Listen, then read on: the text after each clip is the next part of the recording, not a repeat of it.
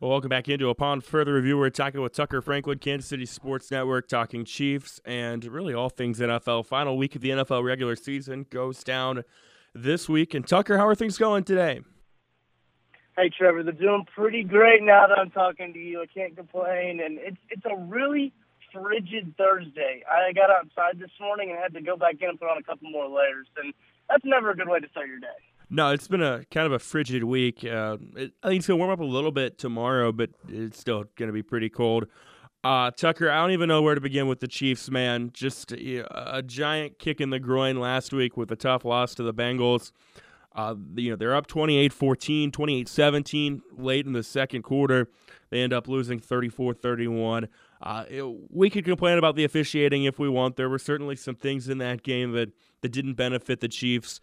But also the fact of the matter is, uh, they also they beat themselves. It was a very you know pre Patrick Mahomes type Chiefs meltdown. It felt like. I think that uh, Ken Swanson on the KC Laboratory actually said something really, really that I that I think I identified with is that that was a very 2019 Titans esque loss, right? Uh, when when Patrick Mahomes comes back, that's his first game back from his injury. They kind of get to a big lead and just kind of all falls apart at the end. And, and Andy Reid has a history of doing that, right? Of, of getting out to big leagues. Tight, or not Titans. The Buccaneers game last season in 2020 was kind of the same way, right? That's kind of how they lost that game. Is that they come out, Tyreek Hill has an ungodly first half, and that was about all the offense that they scored. And that's the same thing with the Chiefs. What happened? What happened this year against this uh, this Bengals team? And the Bengals are a good football team. Let's not. I don't want to get that twisted. And I think that's kind of been lost in the translation of all of this um, maybe they're complaining about the officials. The officials did play a part in this game. I, I wholeheartedly agree with that. A lot of the, the penalties that the Chiefs got called on them resulted in first downs and extended drives. So that's a little tough pills for me to swallow.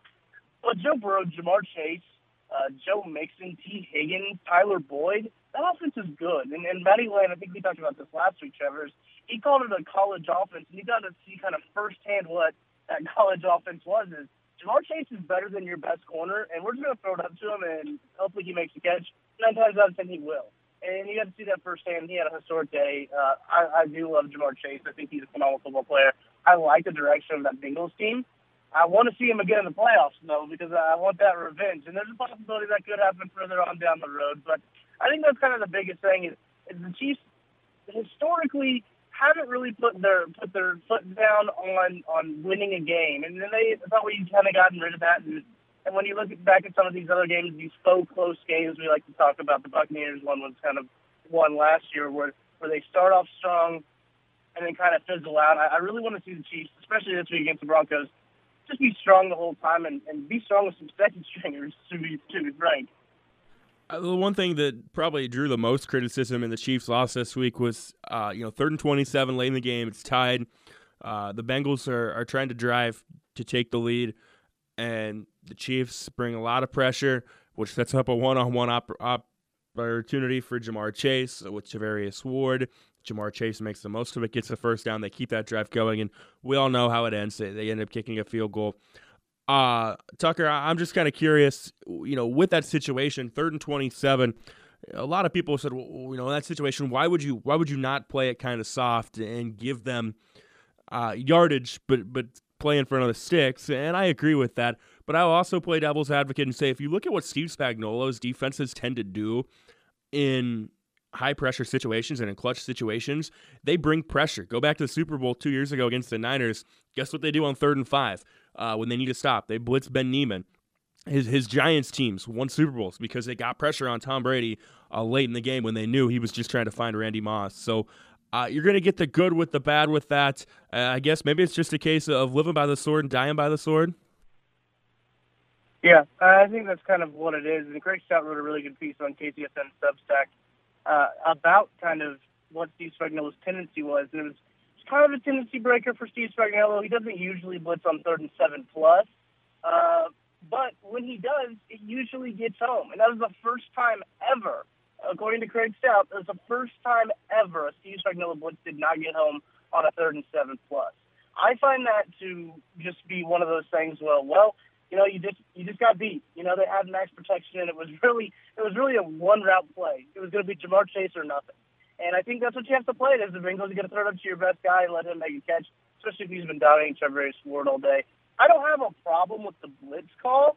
Um, I don't think that that's my problem. I just wish that they would have maybe bracketed uh, Chase a little bit with a safety or had a little bit of cloud coverage over the top. But that's also a tendency breaker for Spagnuolo as well. Spag doesn't really like to do that with the outside guys. They'd much rather do that with slot receivers, guys who uh, play close towards the line of scrimmage. So I think that that's kind of it, it's tough to to look at that defense and say like, okay, uh, that's a bad call because if he gets home, it's it's not a bad call, right? That's a, that's genius. Talk about a field goal range, and and I think with like playing playing the sticks, yeah, that's that's usually what you do. That's safe. Ja'Marr Chase took a took a slant route or an out route, 72 right. yards, making seven guys miss. So I mean, that's that's not something that I that I like to give too much uh, credit to. I think that that's the right call. They just got unlucky. I think that's the thing is the Chiefs have been so lucky in that eight game winning streak, and and they just got unlucky one time. So I'm not mad at Spags. I know a lot of people are. I don't. I don't think this is Spags' fault. I think he tried to create something, try to get some momentum. If he gets the fact that if they get home on Burrow and they don't have a max protect call, they they sent like I think seven guys, and they had seven guys in there. Uh, then we're talking about this game a whole lot differently.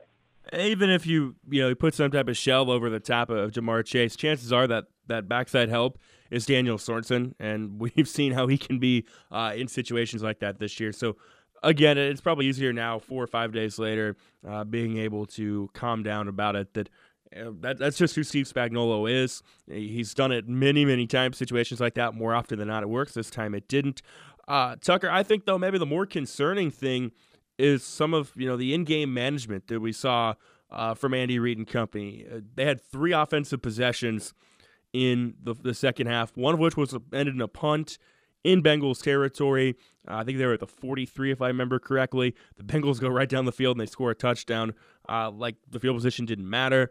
Also, late in the game, you know the Bengals are driving. I think the Chiefs were in a tough spot. If they let them score, they still need a touchdown. Uh, but they didn't let them score, and the Bengals end up winning on a walk-off field goal. How concerning is things like that uh, when you see some of those struggles, or is that just you know it's a case of Andy Reid always seems to have one or two of those games a year? Yeah, that's that's a good question. That's something I've really been really kind of been thinking about. Is like, well, is this is this is this something new? But it doesn't feel new, right? I mean, Andy Reid sometimes always has these games where um, he forgets he can use timeouts or uses his timeouts too quick. It's just either one or the other. It's never. Uh, and he's been. He, let's. I want to give Andy Reid all the credit because he has been a lot better at that than he was maybe in 2015 or 2016, right? Uh, when he first came over, and he's he's gotten a whole lot better at that. But that was kind of one of those things where he reverted back to kind of the old ways of his of his time management. And I understand kind of playing in the game, not wanting or trying. It's really hard to let them score, especially if you're like playing in competitive and all that. I I understand that. I think Tershawn Wharton said that it wasn't a plan to let them score until um, until they got the first down, and then they were just going to need out after that. But um, that's that's kind of frustrating to hear from them. It's like nobody. I, I know that like I was sitting at home. I don't know about you, Trevor. I was sitting at home saying like let him score. You know, you have Patrick yep, Mahomes, so best quarterback in the world. Uh, you can just probably let him score and you'll be fine. You have like two minutes. Um, and, and I think that it. I find it hard to to think and hard to believe that the Chiefs in, in their in their headsets didn't have somebody saying that, right? And and I think that they probably did, and it was probably you know it's a tough it's tough to make those calls. You know, I've coached high school football this year, and those split second decisions are are very quick when you're in the moment. So I understand all that that process, that thought process, and everything. But man, it, it really did stink to see kind of that clock management come back because we thought that was a bugaboo that injury kind of got rid of, and and it reared its head once again. Yeah, I also think you look at this season. I mean, they've had some goal line stands. The Broncos game on Sunday night a couple of weeks ago. You know, they had one towards the end of the half. They they stopped the Chargers a handful of times too. So uh, maybe they truly thought they could get a stop. And hey, if there isn't a hands to the face call on L'Jarius Sneed that I'm still kind of iffy on, they get the ball back with a minute left. You know, they can play for overtime in that situation, or they can try to go down the field and, and win the game. So it was just everything that could go wrong could go wrong. Uh, maybe this is a 2019 Titans type loss where it angers them and they come out and they find a way in the postseason, but it certainly makes their path a lot tougher assuming the Titans take care of the Texans, which I mean the Texans beat the Titans the first time around, but I'm not holding my breath on that one this time. I think the Titans roll on Sunday, which means the Chiefs, assuming they beat Denver, is a two seed. Uh, they're going to play on Saturday, Tucker. Uh, the Broncos are aren't playing for anything. They've been eliminated from playoff contention, and it could be Vic Fangio's last game. We don't really know. Uh, what are you kind of looking for in this game? Yeah, I'm just kind of looking for the Chiefs to the first teamers at least. I want to see the second teamers in there. That's what I should say. Start off, but when the first teamers are in there, I, I want to see a clean game. Right? This is this is a take care of business game. The Chiefs should not struggle with Denver. They are the more talented football team. Um, sadly enough, as it hurts my Mizzou heart to say, Drew Lock is not a good quarterback. Uh, and it's been proven time after time the Chiefs defense should be able to get after him.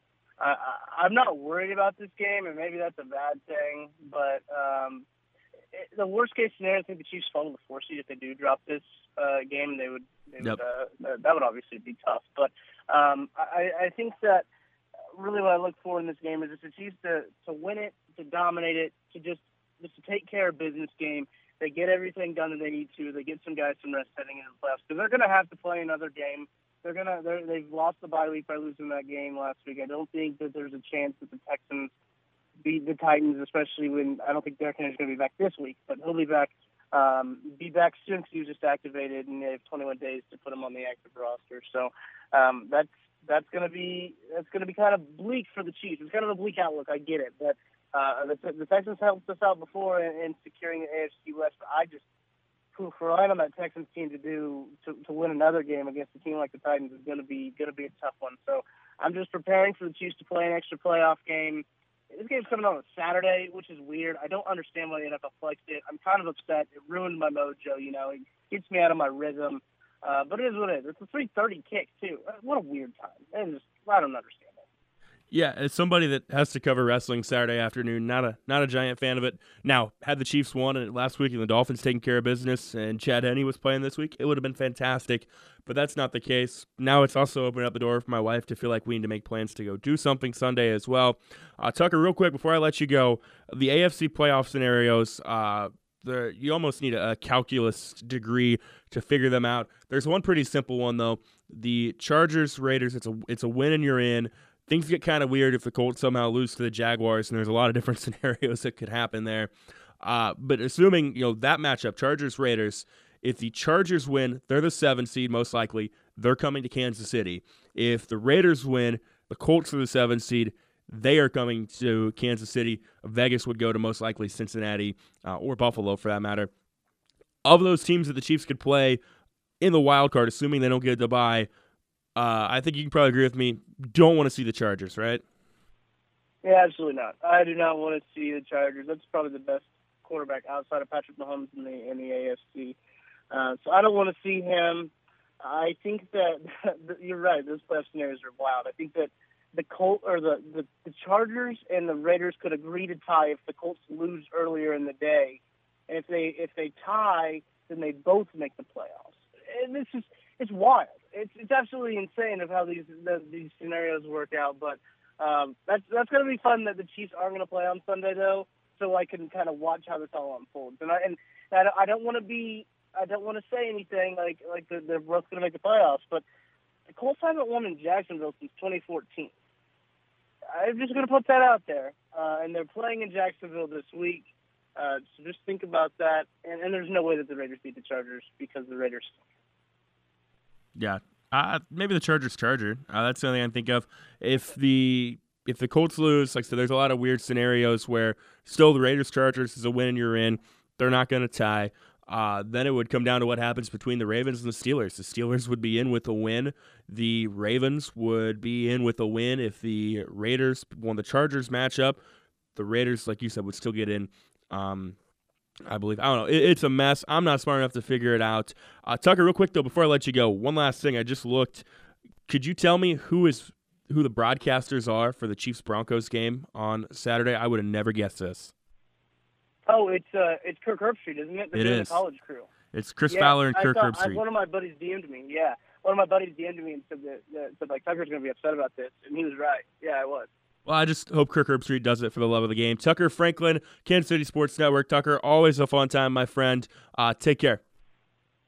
Yep, you do the same, Trev.